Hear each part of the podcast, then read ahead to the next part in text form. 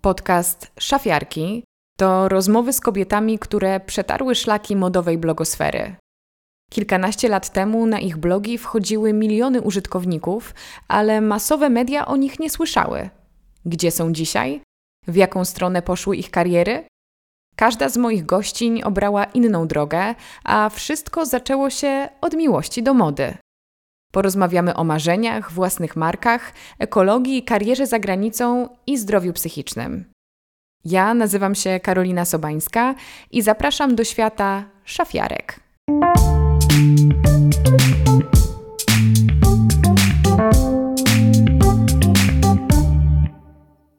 Cześć. Mam nadzieję, że dobrze mnie słychać. E, ja nazywam się Karolina Sobańska, ze mną jest Aryta Szpura i jest mi niezmiernie miło gościć Was tutaj w Kinogramie. Jesteśmy na pierwszym spotkaniu na żywo. E, nagrywamy pierwszy odcinek live serii wogowej. Odbędzie się kilka takich spotkań. Ten jest częścią mojego podcastu, który prowadzę w ramach podcastu Woga. Jest to podcast Szafiarki, który jeszcze nie miał swojej premiery. Więc tym bardziej macie możliwość uczestniczyć w rozmowie z kategorii, której jeszcze świat nie widział. Także bardzo się cieszę, jestem bardzo podekscytowana. Też jest to pierwsze y, moje spotkanie na żywo, pierwszy raz, kiedy prowadzę podcast na żywo i z publicznością. Także bardzo Wam dziękuję za to, że znaleźliście czas i macie ochotę uczestniczyć w tym wydarzeniu z nami. Y, także ze mną jest Aryta, ale ja pozwolę sobie zacząć ten podcast oficjalnie dla tych wszystkich, którzy dołączą do nas w słuchawkach za kilka tygodni, miesięcy i w szeroko pojętej przyszłości. Ja zaczynam ten podcast od słów, że w studio ze mną jest moja gościni, mój gość, ale dzisiaj mamy sytuację y, bezprecedensową, dlatego że po pierwsze jesteśmy na żywo, jesteśmy w kinie, jesteśmy z publicznością, y, a ze mną na scenie jest Areta Szpura. Cześć Areta. Cześć. Jest mi bardzo miło Cię gościć. Bardzo się cieszę, że chciałaś wziąć udział w tym live'ie. Jest to temat, o którym myślę, że nie rozmawia się z tobą za często i też wiem e, sprzed nagrania, że, że byłaś, byłaś szczęśliwa, że będziemy poruszały tematy na tyle sentymentalne i gdzieś tam odgrzebywały wątki, które nie są na co dzień e, w, w twoim życiu czy w twoim życiu zawodowym. E, jak sama nazwa podcastu wskazuje, chodzi tutaj o szafiarki. I też przed chwilą się ciebie zapytałam, jak się przedstawić, więc Oszczędzę ci tego. Jesteś, jesteś aretą, jesteś kobietą, która robi wiele różnych rzeczy, ale dzisiaj zaczniemy od tych początków, początków, początków Twojej działalności zawodowej. O ile te początki były rzeczywiście częścią kariery, bo zaczęło się dawno, dawno temu. Kiedy stwierdziłaś, że doing real stuff sucks? um, w liceum, pewnie miałam jakieś 16 lat i to były początki YouTube'a. Więc oglądałam, pamiętam, jakieś, jakieś fajne wideo i tam coś się wydarzyło i zosta zostało ze mną to hasło. No i potem jak właśnie zaczęłam blogować, e, to miałam pierwszego bloga, który miał jakąś strasznie dziwną, niefortunną nazwę. A potem, potem już było Doing Real Stuff. Tak, dlatego dzisiaj mam The Real Stuff, żeby nie było, że Czy ty się że, że zapomniałam. że właśnie już nie wiem, czy te robienie zwykłych rzeczy do bani. Um, to jest najlepsze polskie tłumaczenie, jakie, o ile jakiekolwiek istnieje. Więc mentalnie to jest, ale pewnie no, dużo się zmieniło. A pamiętasz, co wtedy takiego się działo, albo czym się interesowałaś i co cię zmotywowało do tego, żeby zacząć blogować i w ogóle dzielić się swoimi inspiracjami, przemyśleniami w sieci? Mm, Pamiętam, że nie, nie wiedziałam, co chcę zrobić ze sobą. To było, no bo to jest ten czas, kiedy musisz wybrać, co zdawać na maturze, gdzieś I od tego studia. zależy całe twoje życie. Tak, w ogóle zero, zero presji.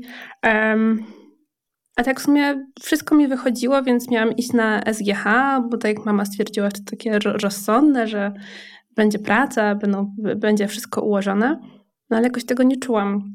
I zaczęłam wtedy, to były początki internetu, pamiętam, że były właśnie forum szafiarek. E, I co wtedy się wydarzyło? No i właśnie początki blogspotu, blogi i chyba takie, myślę, że zbyt dużo nie myślałam, po prostu zaczęłam sobie te zdjęcia wrzucać do internetu. No i zaczęła się tworzyć ta taka społeczność, gdzie to było niesamowite, bo nagle się okazało, że jest więcej osób, które fascynuje ten sam naszyjnik z H&M-u. Teraz wiem, że to z moich ust brzmi dosyć um, e, dziwnie, ale, ale Słuchaj, no, wtedy poczucie to... przynależności jest ważne. Tak, e, ale wtedy to było świetne i, i to tak sobie trwało. I w pewnym momencie poczułam, że kurde, że może można coś robić z tą modą e, zawodowo, no ale nie miałam pojęcia co i jak. Mm, I poznałam blogera, który robił e, zdjęcia takie street style'owe, jednym z pierwszych, nazywał się Face Hunter i on był w Warszawie. Więc się z nim spotkałam, no i tak e, rozlałam przed nim moje tutaj życiowe rozterki i on mówi, słuchaj, ja akurat e, nocuję mojej koleżanki, która pracuje w glamurze, więc może odezwij się do niej i pójdziesz na staż i zobaczysz, jak to wygląda. Więc napisałam. No Ina, która, która to była osoba, jest właśnie obecnie redaktor naczelną Woga, więc to jest w ogóle śmieszne, mhm. jak, to, jak to się wszystko z, zatacza kręgi. Um, I i co, jakoś już nie było takie proste, bo jednak 16 lat i staż to tak, nie wiem, nie było do końca legalne, ale tak naciskałam, że, że w końcu mnie przyjęli. No i wtedy moje życie się jakoś bardzo zmieniło, bo, bo pamiętam te pierwsze momenty wejścia do redakcji, czułam się niczym po prostu diabeł ubiera się u Prady. E, I że to tak wygląda jak na filmach i że są właśnie showroomy i, i to całe glamour e, glamour no ale te moje pierwsze momenty nie były takie glamury, bo po prostu musiałam siedzieć w kanciapie z ubraniami i przez kilka dni segregować, uczyć się na, na pamięć nazw showroomów, gdzie jaka marka, co. Ale mimo to to mnie nie zniechęciło i, i czułam, że złapałam tego bakcyla. E, no a ten blog był cały czas e, i pamiętam, że to był zawsze problem, no bo kto ma mi zrobić zdjęcie. Więc pamiętam moją po prostu małą siostrę, która była taka zdegustowana i mówiła, Boże, dobrze, zrobię ci te zdjęcia. Ona nie rozumiała. Nie, to był zawsze problem, w sensie... Więc taty był moim najlepszym przyjacielem. Ale też ciekawe jest to, że połączyłaś trochę te dwa światy, że byłaś nadal w tym internetowym i rozwijałaś bloga, ale weszłaś te, też w ten fizyczny, prawdziwy, modowy. I przez, przez jaki czas udawało ci się równolegle to utrzymywać i rozwijać? I na ile też jedno pomagało drugiemu? Czy czułaś, Myślę, że, tak że to też puszowało twoją karierę online'ową? To, Myślę, że, że na początku fizycznie? to była bardziej Hannah Montana, że... Yy ten świat blogerek był takim bardzo niszowym. I że na początku, jak ktoś się dowiedział, że jesteś szafiarką, to raczej to był powód taki trochę do wstydu, no bo wtedy nikt nie brał poważnie blogerek. E, ja pamiętam do tej. Był pierwszy raz, kiedy jakaś duża firma zaprosiła do showroomu pierwsze jakby tą pierwszą grupę blogerek i to było naprawdę big deal, że ktoś docenił nas, ktoś nas traktuje na poważnie I to potem pomału się rozkręcało, e, no ale raczej jak się właśnie szło na te spotkania, no to był świat mody, no i były blogerki, tak? Potem to się dużo zmieniło, jak pojawiła się Tavi, mhm. E, która miała kurde 13 lat i usiadła z tą wielką kokardą w pierwszym rzędzie i cały świat mody był oburzony, że dlaczego, co to dziecko tu robi. No ale to była, na, jakby jak teraz sobie pomyślę, kim są blogerki, że są, że tak powiem, na, na pudelku i są w, w równorzędnym rzędzie, jak to wszyscy celebryci, aktorzy i, i się mówi o nich, że tak powiem, tak na co dzień, no to te 10 lat temu nikt by w to nie uwierzył, że coś takiego może się wydarzyć. Ale ty wtedy wierzyłaś w to, że to cię może gdzieś doprowadzić? Jakby, czy był ten moment, kiedy przestałaś być Haną Montaną i już połączyłaś to? Nie, Haną Montaną jestem zawsze. To jest, to jest mój spirit animal. Um, chyba o tym nie myślałam nigdy. Po prostu jakby robiłam to sobie w internecie i to było zawsze hobby. E, a tutaj pracowałam i jakby nigdy nie sądziłam, że z blogowaniem będzie można się utrzymać. To zawsze było takie dodatkowe coś, gdzie właśnie mogłam się dzielić tym, co mnie jara, co mnie inspiruje też. Ja chyba zbyt dużo nawet nie robiłam swojej stylizacji, pokazywałam, bo właśnie nie miał mi kto robić zdjęć, więc dużo wrzucałam różnych inspiracji, tak, to był jakiś taki magazyn modowy, nie wiem co to było. Teraz już to nie istnieje, więc nawet ciężko do tego e, wrócić. Właśnie jak to się stało, że to nie istnieje? Bo ja dzisiaj próbowałam się dogrzebać, żeby jeszcze tam zrobić większy research, ale o tobie nie ma tak dużo z tamtych czasów. Ja chyba po prostu um, w pewnym momencie kupiłam jakąś domenę i, i zapomniałam jej opłacić i to przypadło. Po prostu symbolicznie zamknęłaś pewien rozdział, myślę, mimochodem. Tak, przecież tam nie było dużo wartościowych rzeczy, więc mam to, mam to w serduszku. Um, No pamiętam, że takim pierwszym, kiedy to się zaczęło łączyć, to, to były jakieś takie pierwsze, właśnie może nawet nie sponsorowane, ale gdzie były pierwsze propozycje czegoś za darmo. że to, że jestem blogerką, że mogę coś pokazać, czy jakieś buty dostanę, czy coś, no to to już jakby naprawdę był, to było wow, to byłam strasznie podekscytowana. Um, I i co? No i tak, i, i to tak się pomału, pomału to sobie szło, a z drugą stronę przez to, że byłam w tym świecie mody, byłam tą młodą osobą, która ogarnia, ogarnia internety, no to jednocześnie zaczęłam też pomagać y, różnym brandom, które wchodziły do Polski i, i pamiętam, to jest, jakby uwielbiam o tym opowiadać, bo to się naprawdę pokazuje, jak dawno to było. Y, pracowałam na takiej marki, która już nie ma w Polsce, New Look i nie było jeszcze wtedy w ogóle fanpage'y, więc ja po prostu byłam, założyłam osobę New Look Polska jako konto na Facebooku. Wow. I tam dodawałam posty nowych stylizacji, no co nowego w tym tygodniu i zapraszałam znajomych, żeby byli znajomymi z New Look Polska. E, więc to naprawdę było dawno.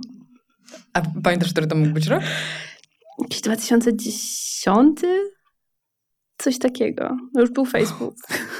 To powiedz mi, gdzie w tym wszystkim pojawiła się u ciebie myśl, żeby założyć swój brand? I jak do tego doszło, że pojawiło się Local Heroes? I czy w ogóle ludzie pamiętają, że, że to byłaś ty?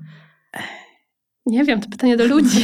możemy możemy pytanie do publiczności w tym teleturnieju zadać wyjątkowo. Ja w tej modzie siedziałam jeszcze długo przed, przed lokalsami. Myślę, że to było takie... Miałam 16 lat, jak zaczęłam, więc to 4 lata były asystowania na, na sesjach, robienia swoich rzeczy, konta na Max Models jako stylistka i, i to było fascynujące. Ten internet sobie, potem się pojawił Instagram, więc to też, to, to też było jakby oddzielną jakąś e, drogą i, i ostatnio czytałam książkę o historii Instagrama i to było niesamowite wróciłam do pierwszego zdjęcia i tak jakby odtworzyłam w ogóle to i pamiętam, że na początku Instagram służył po prostu jako aplikacja do przerabiania zdjęć.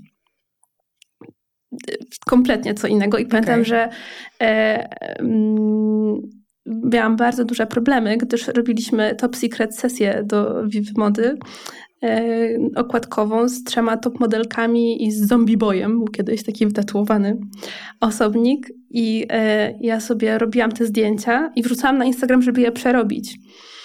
I e, te zdjęcia gdzieś wyciekły do internetu, były na forum modelkowym i dostałam telefon od naczelnej magazynu następnego dnia typu jakim cudem te zdjęcia wyciekły do internetu. I ja byłam naprawdę przerażona, bo przecież ja ich nic nie wrzucałam. Tylko na Instagram. To tylko twój prywatny Instagram. To jakby w ogóle nie, nie rozumiałam, że tam ktoś mhm. to ogląda. To w ogóle wcale nie do tego służyło. Um, więc taka ciekawa tylko anegdota. Um, jak to się stało? No, wydaje mi się, że wtedy dużo siedziałam na Tumblerze i sobie żyłam tym, tym życiem pod palmami w Kalifornii, kolorowej, a Polska no nie była tak kolorowa. E, I też wtedy no, mało było ubrań, które wyrażały ciebie. To, to też brzmi teraz absurdalnie, bo teraz nie ma takiego problemu, ale te 10 lat temu, no to można było pójść do Handemu i kupić koszulkę z napisem Hello Sunshine albo Have a nice day. I, i tyle. I jakby mnie to frustrowało, jakby jak żyłam nasiąknięta tym internetem i tymi super blogerkami z zagranicy, które mają fajne sklepy i, i fajne lumpeksy, że u nas tego nie ma. I, i to powstało z takiej potrzeby, żeby po prostu mieć rzeczy, które, jakby mieć koszulkę, która coś mówi która mówi to doing real stuff sucks, czy fuck you, czy nie wiem, tam różne były na ten moment myślę, że trochę żenujące, ale, ale wtedy wydawało się świetne. Fajne. Ja, słuchaj, ja, ja, powiem tobie i wam, że pamiętam, nie wiem, czy to była trzecia gimnazjum, czy pierwsza liceum, kiedy wyszły twoje t-shirty i ja kupiłam sobie jeden z pierwszych, czyli Single Taken Hungry i przy Hungry był taki tik że co tutaj się klasyfikuje w tej kategorii, więc y, dla mnie to wtedy było bardzo cool. I co więcej, mam ją do tej pory. I jest bardzo dobrej jakości, moi drodzy. Także, także wiesz, patrzymy na to z perspektywy czasu, może z lekkim, ty z lekkim cringe'em, ja nie, e, okay. ale, ale wtedy, wtedy myślę, że dla wielu osób to był taki ogromny powiew świeżości, że właśnie można powiedzieć coś więcej. Można się też pośmiać i z siebie, i ze świata. Tak, no to wszystko miało raczej na zasadzie mieć taki właśnie luz, tak, jakby no typu czapka Bad Hair Day, e, którą potem wszędzie widziałam na jakichś jarmarkach i e, innych e, AliExpressach. E, no ale tak, więc po prostu była taka potrzeba, ale my nie miałyśmy kompletnie pojęcia, jakby jak to się robi. My, w sensie ja i Karolina, z którą się wtedy przyjaźniłam i, i po prostu spędzałyśmy dużo czasu i, i stwierdziłyśmy, że kurde, że może po prostu właśnie możemy to zrobić, więc zaczęłyśmy googlować, jak się robi koszulki. Na początku to były po prostu takie gotowe koszulki zamawiane na drukiem, gdzie jeździłyśmy pod um, gdzieś tam niedaleko um, pożyczałyśmy auto od mojej mamy, zamawiałyśmy te koszulki, to były no typu 10 koszulek, 20 koszulek, to nie były jakieś szalone ilości. I miałyśmy taki pomysł, że wycinałyśmy tutaj to, żeby takie na coś innego było i doszywałyśmy neonową nitką. Moja mama doszywała nam metki. E, więc teraz to byłaby pewnie afera metkowa z tego powodu. Wtedy nam to uchodziło na sucho. No ale też mówię, to było 20 koszulek ale przez, przez pierwszy rok no to było takie chałupnicze właśnie jeżdżenie i, i pamiętam, jak wróciłyśmy tą pierwszą partię trzech różnych koszulek i bluz do internetu, no to właśnie na tyle byli ludzie głodni, że to się 24 godziny wyprzedało. No i potem te pieniądze, które zarobiłyśmy, no to po prostu włożyłyśmy od razu, żeby móc więcej zarobić, no bo na początku nasz budżet był pewnie typu 500 zł max, bo więcej pewnie nie, nie miałyśmy. E, I tak to sobie organicznie przez kilka miesięcy rosło. A potem pojawił się Justin Bieber. No, no właśnie chciałam powiedzieć, że jakby gdzie tutaj pojawiają się największe nazwiska świata, albo w którym momencie wpadasz na pomysł, że hej, wyślę im swoje rzeczy. No to była Karolina, która była super fanką Justina i, i siedziała sobie w pewien, pewnie jakiś długi jesienny polski wieczór i po prostu zaczęła, że on kupił nowy dom E, siedziała na Google Mapsie i tak kawałek po kawałku przeczesywała wzgórza. Wow. Los Angeles. Aż natrafiła na coś, co przypominało bardzo to, co widziała na zdjęciach z tej oferty sprzedaży. No i e, wtedy to jeszcze nie było zablurowane. E, I stwierdziła, okej, okay, no to spróbujmy, tak? Jeżeli jest jakaś tam... dronem zrzuciła. Jeżeli jakaś szansa, że, że to jest jego adres, no to jakby why not? No ale prawdopodobieństwo, że to serio jest jego adres, że my wysłałyśmy to najtańszą możliwą jakby przesyłką poczty polskiej, e, że on teraz w ogóle dotrze, że ktoś to odbierze, że to dotrze do jego rąk, no bo ja nie sądzę, żeby Justin Bieber odbierał sam swoją pocztę, chociaż kto to wie. I żeby jeszcze on to założył i żeby jeszcze ktoś go sfotografował w tym. I to, żeby to zdjęcie potem obiegło cały świat, no bo no to była jedna na miliard pewnie. Ale tak się wydarzyło. E, I, I nagle z dnia na dzień e, obudziłyśmy się w, w innej rzeczywistości. Bo pamiętam, że właśnie wracałyśmy nad ranem z jakiejś imprezy i ktoś nam wysłał linka do takiego portalu ala Pudelek amerykański, gdzie było właśnie Justin Bieber doing real stuff sucks. No i zaczęłyśmy tak piszczeć i skakać z radości, że pobudziłyśmy wszystkich sąsiadów, e, którzy nie byli z tego powodu szczęśliwi. No i, i, ale to było nadal absurdalne, więc poszłyśmy spać, no i budziłyśmy się, internet wybuch, bo nie dość, że to był Justin Bieber, gdzie wtedy on był na takim top topów jakby celebrytów, więc cokolwiek on zrobił, to się o tym mówiono. No to jeszcze, że Justin Bieber, to, to co on wie o, o robieniu tych zwykłych rzeczy, bo on się pojawił w koszulce Doing Real Stuff Sucks, tylko nikt nie wiedział, że to, jest, to jesteśmy my, tak? Tylko wszędzie mhm. pisali, że to jest jakieś Gucci albo Dior. Ja tam pamiętam, pisałam w komentarzach, że nie, nie, nie, to jest Local Heroes, to jest taka polska mała marka. Tutaj jest link, jakbyście chcieli kupić. Um, I oczywiście od razu się pojawiły podróbki w internecie, że można zamówić sobie taką koszulkę. Um, no ale w Polsce było inaczej, no bo w Polsce, przez to, że już właśnie miałam tego bloga, to hasło ludzie kojarzyli. To udało nam się to powiązać, no i po prostu to było wielkie wow, no bo wcześniej nikt za bardzo z polskiego świata mody nie ubrał kogoś tak wysoko, powiedzmy, postawionego, że wcześniej jednak polscy projektanci ubierali polskie aktorki yy, i myśleli, że jakby no this is it. A to jakieś nagle dwie gówniary, które nawet nie nazwałabym się nigdy projektantką mody, tylko po prostu dwie, dwie nastolatki sobie ubierają gwiazdy z Hollywood, więc ludziom się to nie mieściło w głowach, no i, i że tak powiem, to, to było na językach przez jakiś czas, no bo to było wow.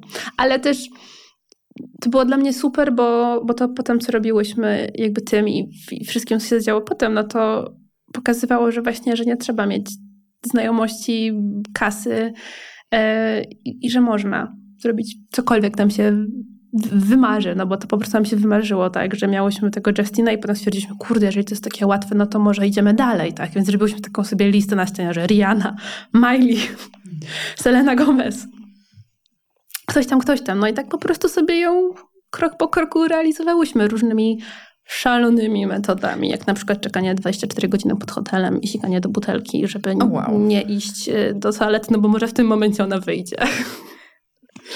Czy powiesz o kogo chodzi, czy to już jest za dużo informacji? To chodziło o Rianę. Ale to opłaciło się? Mhm. Celu święca środki. Ale masz jeszcze jakieś inne historie właśnie tego typu? Albo osoby, do których ci się nie udało, wam nie udało się dotrzeć? Albo takie, które były takim waszym największym sukcesem? Mnóstwo. No myślę, że moim personalnym marzeniem zawsze była Miley, no bo Hannah Montana. Tak. Wracamy. E, I to zajęło, kurde, 5 lat prawie całe moje bycie w firmie, bo na początku jak wysyłałyśmy, to jej siostra to nosiła i widzieliśmy na Instagramie i piszemy, ej, że to było dla Miley, a napisała, no wiem, ale Miley się nie podobało. ale Miley nie chciała. No więc serce pękło, no ale próbowałyśmy dalej, więc jakby jeździłam na koncerty po Europie i rzucałam na scenę te koszulki, ale to się też nigdy nie udało. Kiedyś byłam na, jeździłam po Brooklynie nocą na rowerze, bo wiedziałam, że ona nagrywa wideo w jakiejś szkole i szukałam tej szkoły, żeby tam wejść, jakby miałyśmy doświadczenie w wymykaniu się na backstage. Muszę też niestety przyznać się może w tym momencie, że jak jeszcze Wok Polski nie istniał i jako ta szesnastolatka jeździłam do Londynu na pokazy mody, to robiłam sobie akredytację na Wok Polska. Ale mam nadzieję, że mi wybaczą. Też mam taką nadzieję.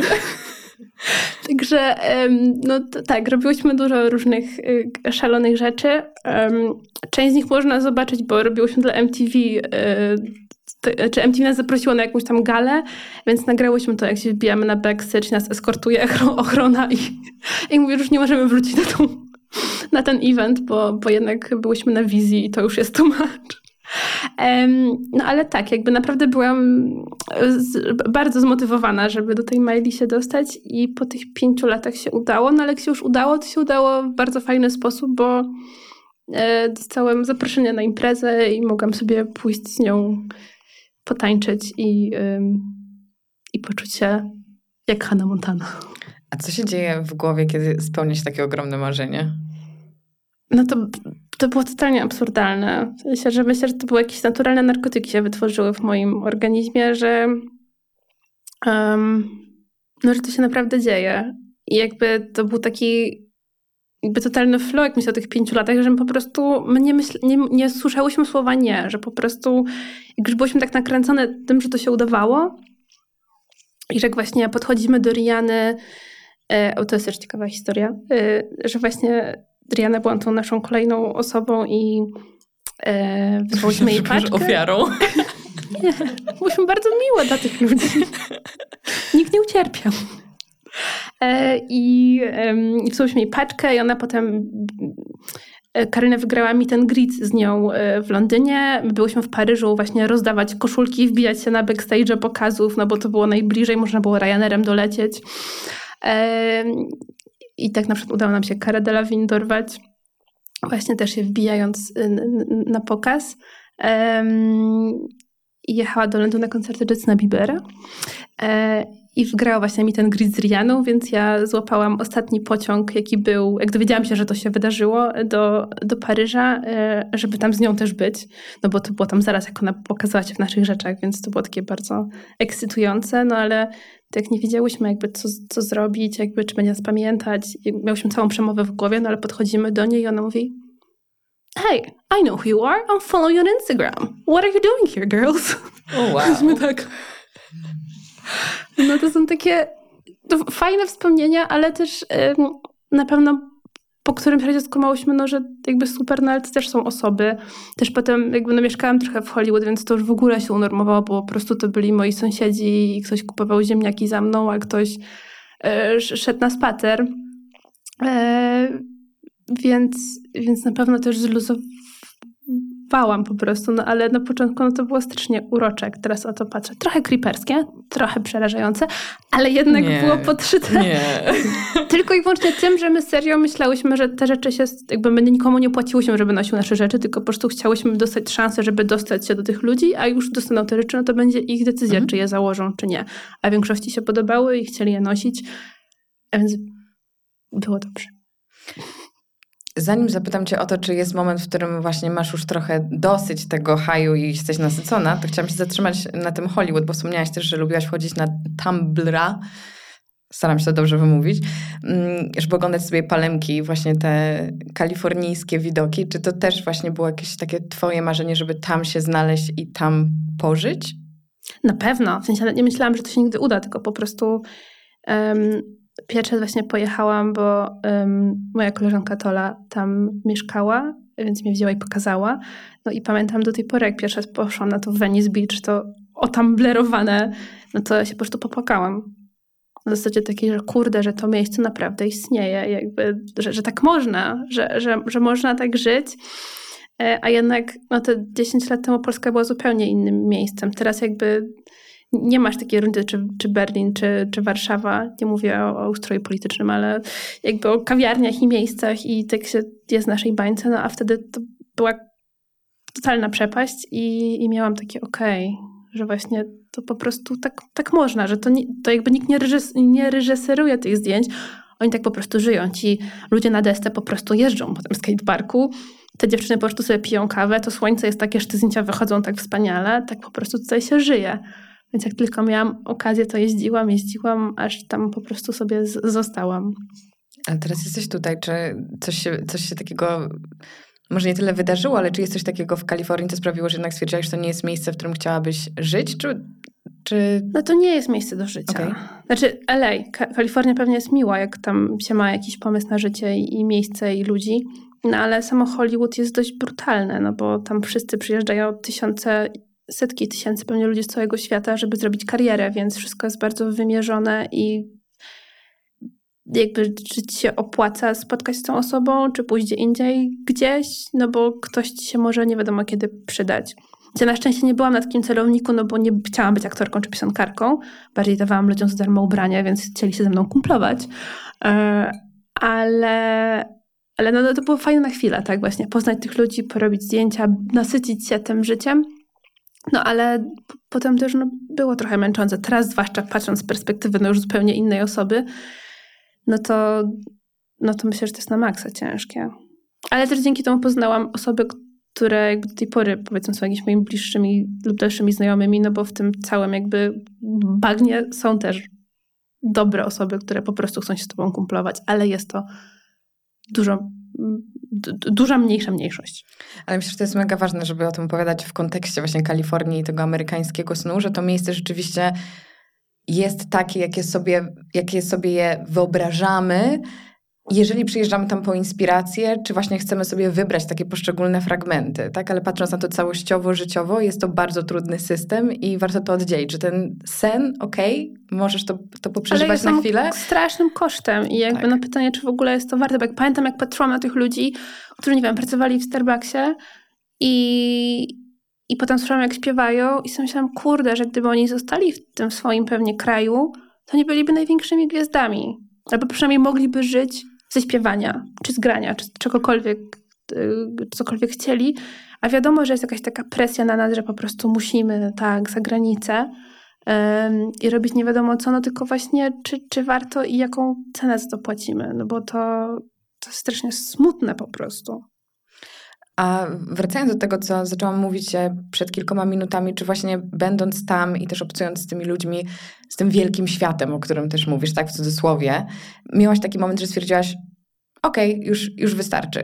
Jestem spełniona w tej dziedzinie i naoglądałam się tych twarzy, udało mi się zrealizować kilka marzeń i teraz po prostu zajmę się czymś innym, bo to już nasyciłam.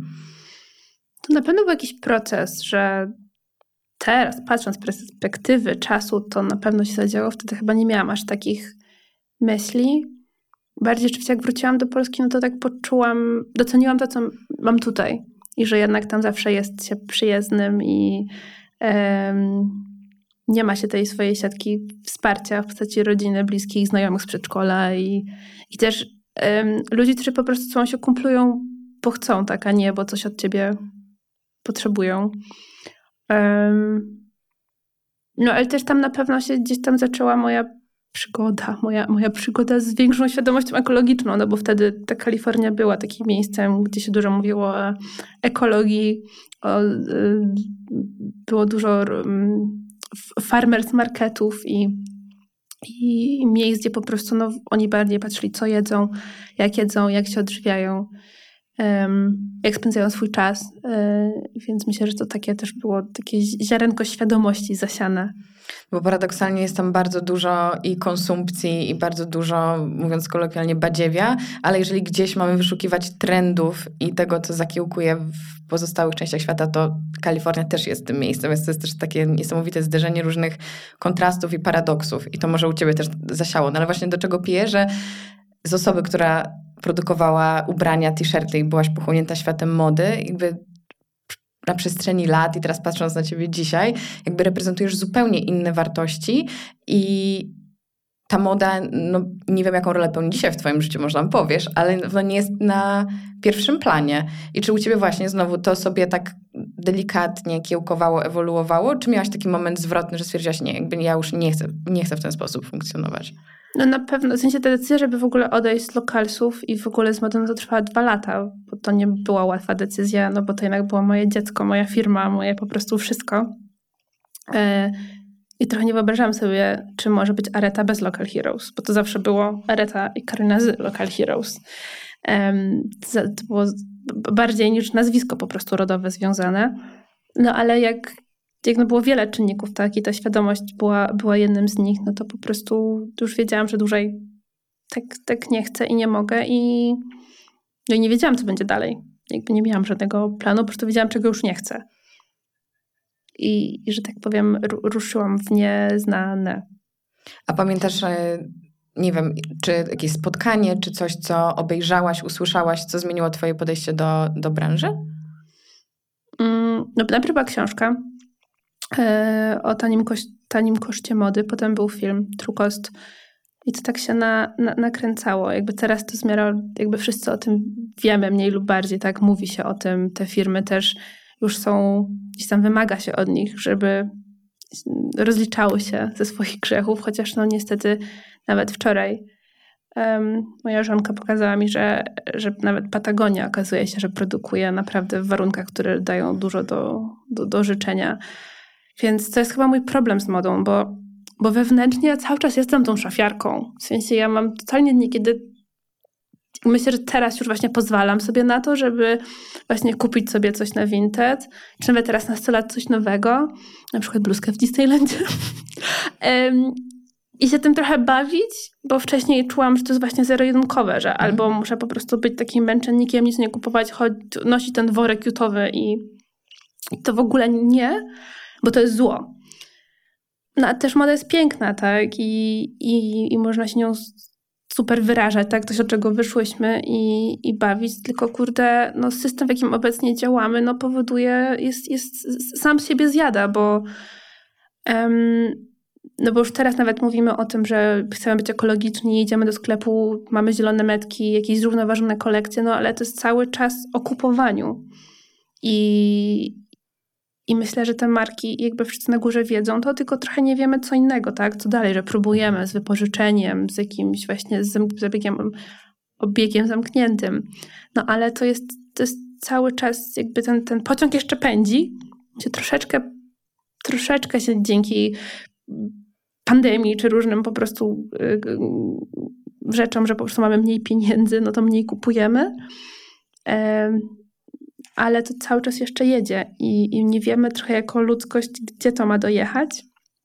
E, I w tym jest chyba problem, bo, bo, bo, bo to cały czas jest bardzo łatwo, tak? Pójść sobie kupić coś za 89, 90 i po prostu nie myśleć, co dalej, tak? I w jakich warunkach zostało to wyprodukowane.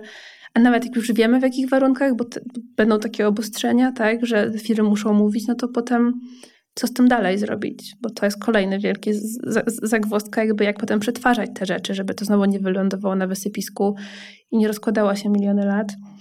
Więc jest tu dużo znaków zapytania i chyba za mało osób, które tak szczerze chce zająć się tym, no bo też to jest trochę stawienie się twarzą w twarz no, ze sobą. Także ja pamiętam te pierwsze momenty, jak właśnie wróciłam z tych Stanów i byłam taka, że kurde, że no, w tej modzie, w której siedzę, to, to ona nie jest taka piękna, jak mi się wydawało, że tam jest cała jakaś kotara, za którą nie zaglądałam, która ma to straszne oblicze. I pamiętam, że pochodziłam na jakieś eventy i tak próbowałam tak w casual small talku mówić, a, a czy może wiesz, gdzie te ubrania zostały wyprodukowane, albo e, dlaczego one kosztują 29,90, no i i byłam zaskoczona, jak, no ale to wiadomo, to było znowu to 7, dużo lat temu. No wtedy w ogóle się o tym nie myślało. I myślę, że to jest dla mnie teraz niesamowite, że ja spędziłam kilka dobrych lat i nie, nigdy nie zadałam sobie tego pytania. A myślę, że cały czas jeszcze są osoby, które pracują i po prostu. No ale jakby to nikt nie jest ich wina, bo tak po prostu ten, ten świat działa, tak? Ludzie mogą całe życie chodzić do sklepu, kupować jakiś produkt i nie myśleć skąd ten groszek czy ta perówka jest, tak? I jakim kosztem, jak się przy niej pracowało, dlaczego ona tyle kosztuje, dlaczego jest tak opakowana, że to jest no bardzo... Ta moda była dla mnie dobrym przykładem i od niego zaczęłam, jak potem próbowałam jakoś odkręcić to, yy, to moje życie, bo to znałam, no ale każda inna branża czy kategoria pewnie jest tam bardzo podobnie. Ale też działasz w obszarze ekologii od lat, wydasz dwie książki na ten temat, czy teraz mówisz, że ileś tam lat temu mało się o tym mówiło, ale czy obserwujesz rzeczywiście zmienia się nasze podejście, świadomość społeczna, czy nadal mówimy tutaj o bańkach? Nie wiem.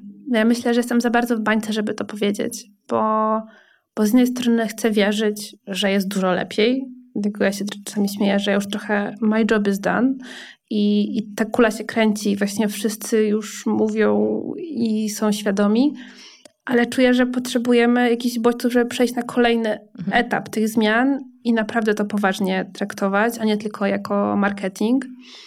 I to też może jak się patrzy, jak na przykład są konstrukcje w firmach, tak? Czy ten dział CSR-u, ESG, zrównoważenia, czy on jest właśnie pod działem marketingu, czy jednak siedzi jako równy z równym ze wszystkimi szefami w Radzie Nadzorczej i ma naprawdę głos co do tego, jak ta firma jest prowadzona. E, na pewno świadomość ludzka jest dużo większa, taka w społeczeństwie. Na pewno kiedyś to było nie do pomyślenia, że pójść do kawiarni czy, czy sklepu, żeby sobie mieć coś we własnym kubku czy opakowaniu, a teraz dostajesz nagrody za to. No tylko no nie oszukujmy się, to jest jakiś pikuś, w sensie to jest, my się czujemy lepiej, że sobie weźmiemy tą kawę do własnego kubka, ale w kontekście śmieci, problemów z energią i, i ze wszystkim, no to to, to jakby nie, nie możemy się na tym skupiać, bo ten pociąg się naprawdę wykolei.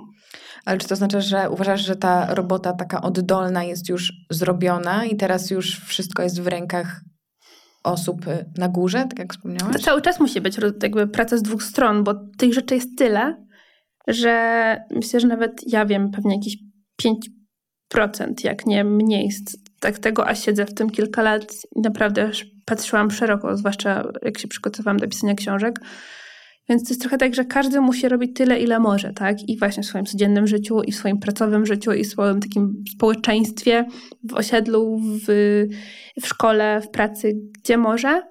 Tylko myślę, że ważne jest to, żeby patrzeć szeroko, że właśnie nie tylko się spinać i schizować, że źle posegregowałem śmieci, bo to jest ważne, ale nie najważniejsze, tak? Są rzeczy naprawdę ważniejsze, wyżej, e, gdzie są te zmiany systemowe, no ale one się nie zadzieją, jak nie będzie tego ruchu od dołu, tak? Więc to Plus też każdy z nas, jakby jak osoba, nie wiem, siedzi na radzie nadzorczej firmy albo w polityce, to ona też jest tą małą skalą i dużą skalą jednocześnie. Tak jakby my, myślę, że głównym jakimś problemem jest to, że my po prostu zapominamy, że ten świat jest bardzo połączony ze sobą i każdy z każdym.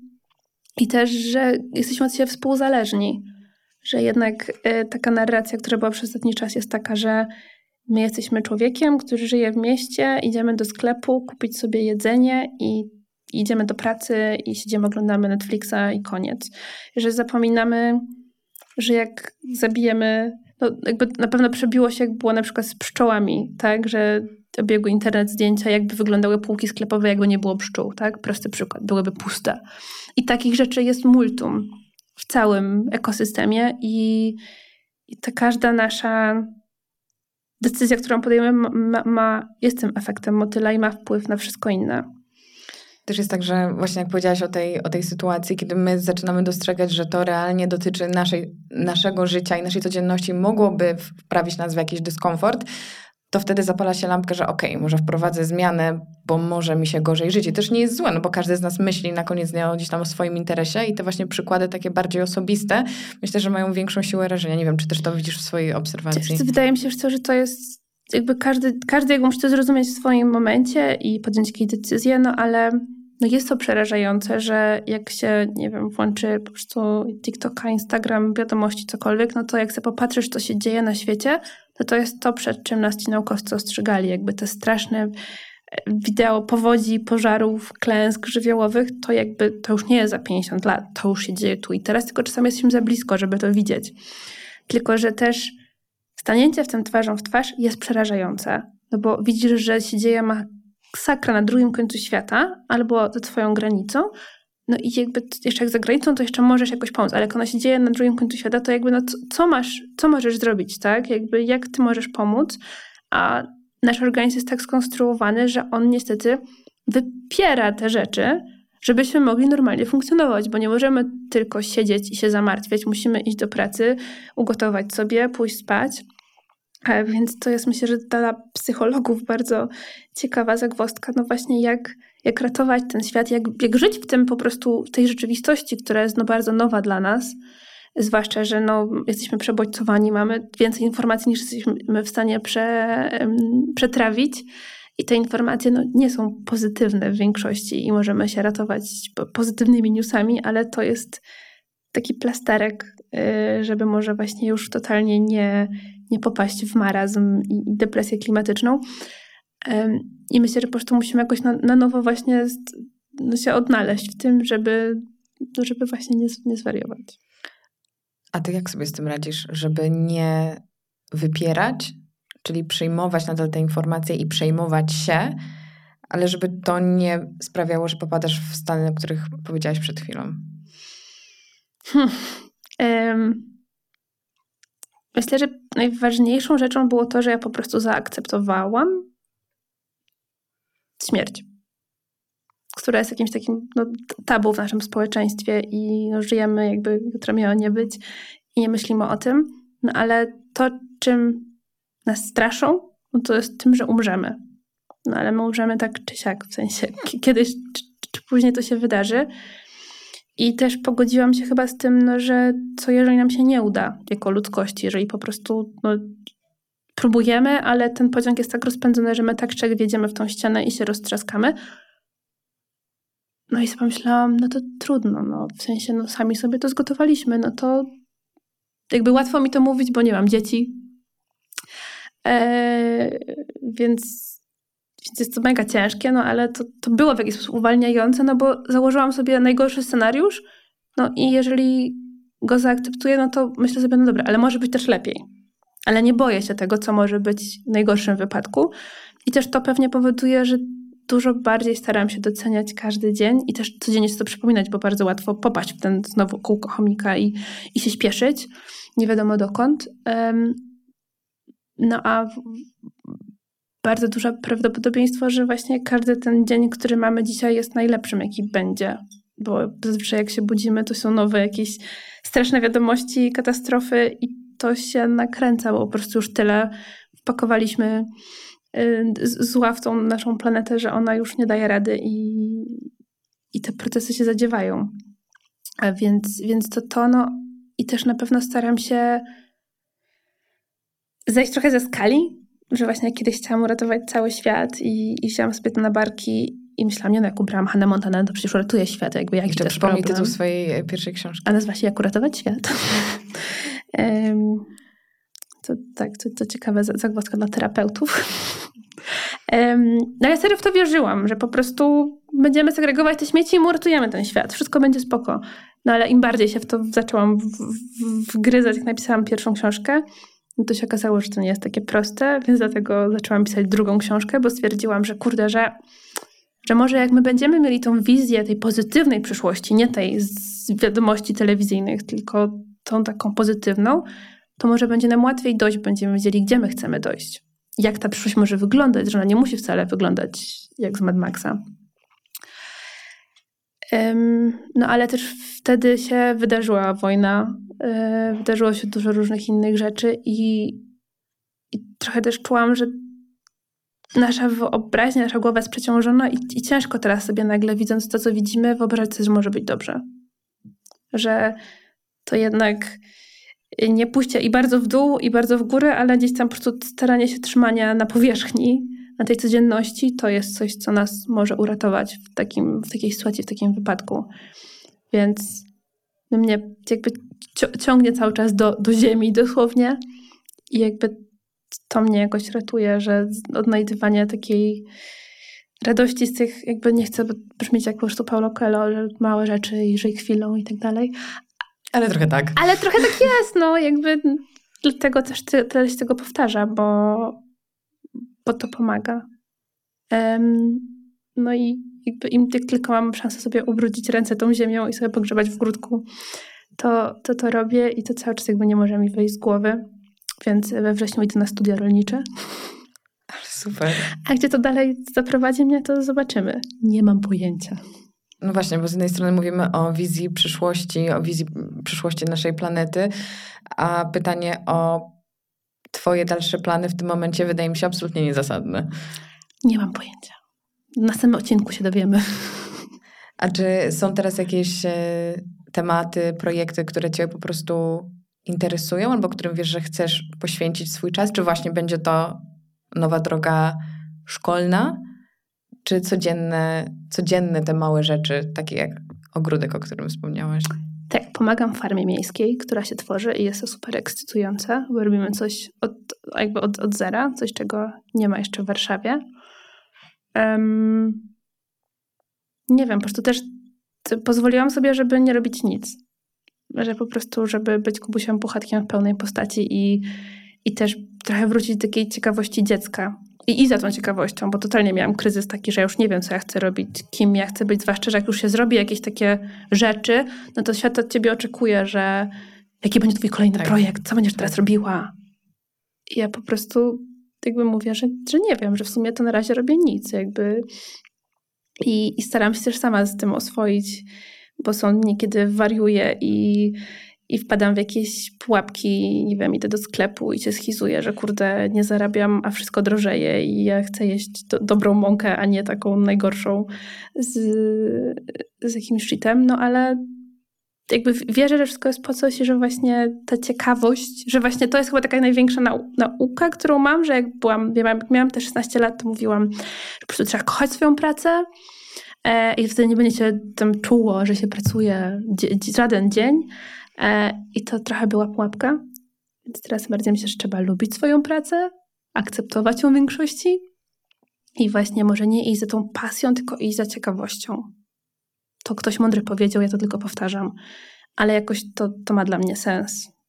Ale też powiedziałaś inną mądrą rzecz, która myślę, że dobrze, żeby wybrzmiała w kontekście czy aktywizmu, czy przejmowania się jakimikolwiek sprawami, czy związanymi z planetą, z społeczeństwem, z polityką, że warto złapać taki balans między tym, gdzie możemy działać i możemy rzeczywiście się przyczynić, ale też nie pozwolić, żeby to zawładnęło naszą codziennością i nie brać na siebie za dużo odpowiedzialności. To jest trochę trudne, nie? że jakby tak, jesteśmy częścią tego i też się do tego przyczyniamy, ale tak jak e, wspomniałaś o tym, że no właśnie jakby musisz wziąć coś do własnego kubka, czy musisz posegregować idealnie te śmieci, tak, fajnie starajmy się, ale jeżeli to jest kosztem tego, że piętnujesz siebie za niezrobienie tego idealnie, to wszyscy na tym tracimy. I to też nam fajnie się łączy z modą. Tak jak powiedziałeś, że moda jest piękna i ja sama też po sobie to widzę na przestrzeni lat, tak? Z osoby zafascynowanej modą w osobę bardziej ascetyczną w tej kwestii, która uważała, że albo 100% albo zero, to nigdy nie jest rozwiązanie, nie?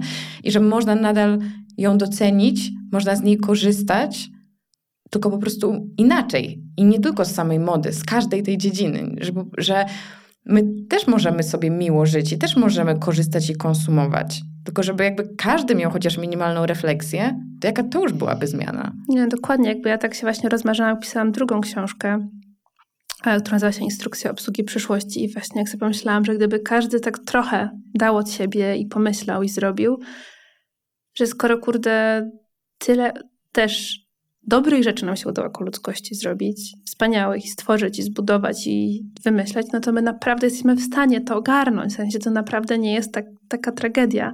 Gdybyśmy wszyscy się zmotywowali, my wiemy, co mamy robić od dawna. Plany, pomysły są. Tylko żeby jakby co się musi jeszcze wydarzyć, żebyśmy serio to zrobili, no wydaje mi się, że to nie będzie jedna rzecz, bo skoro pandemia nie, nie pomogła, to, to nie wiem, co by pomogło. Po prostu każdy w swoim czasie, tak? To jest proces no i, i wiadomo, że gdzieś tam wierzę, że nam się uda i też być może no jesteśmy tak skonstruowani, że naprawdę musi być może jeszcze gorzej, żebyśmy tak naprawdę zrozumieli, że, że jakby trzeba i że no może dopiero jak nam zabraknie tej wody w kranie, to się zmotywujemy, żeby stworzyć nowe firmy, startupy, pomysły, żeby jakoś odzyskać tą wodę, czy mieć jedzenie. Jakby wierzę, ale też mam tak, że, że zobaczymy, że czuję, że totalnie zdjęłam z siebie ten ciężar uratowania tego świata. Mam tak, ja zrobiłam ile mogłam, cały czas robię, ale już na tym swoim poletku, e, żeby siebie nie zajechać, bo to do niczego nie prowadzi, w sensie, że to już nie jest sprint, tylko to jest maraton na całe życie. I jakby oddać tą piłeczkę, proszę bardzo, to jest dużo różnych tematów. Jak ktoś chce, to niech sobie przyjdzie, weźmie kawałek i, i idzie tam w swoją stronę, żyje sobie swoim życiem i próbuje robić tyle, ile może. No nie, nie zapominając, żeby też po prostu cieszyć się z tego, co mamy, póki to mamy. I to też podkreślając, że jesteśmy połączeni, jest nas więcej i na jednej osobie nie może spoczywać odpowiedzialność za nic, więc myślę, że to jest mega ważne i ważne jest to, żeby właśnie oddawać, tak jak powiedziałaś, y, trochę pałeczkę i tym samym chciałabym y, zapytać Was, czy są to jakieś osoby, które mają może do Arety jakieś pytanie, bo kończymy powoli nasze spotkanie i chciałabym oddać Wam głos. Wszyscy zasnęli. Wszyscy są bardzo zaciekawieni. Słuchajcie, jeżeli nie ma pytań, to ja, Aryta, bardzo Ci dziękuję za dzisiejsze spotkanie, za to, jak nas pięknie przeprowadziłaś przez swoją meandrującą ścieżkę, ścieżkę, rzekę powinnam, powinnam rzec. Mm, I życzę Ci dużo tej ciekawości i otwartości na to, co przyjdzie. Myślę, że kolektywnie wszyscy trzymamy kciuki, że nam się uda i jeżeli chociaż kilka osób poczuje, że chce im się zrobić odrobinę więcej na co dzień, to to już jest ogromny sukces. Dzięki wielkie. Dzięki. I dzięki za wysłuchanie. Moją gościnią była Areta Szpura.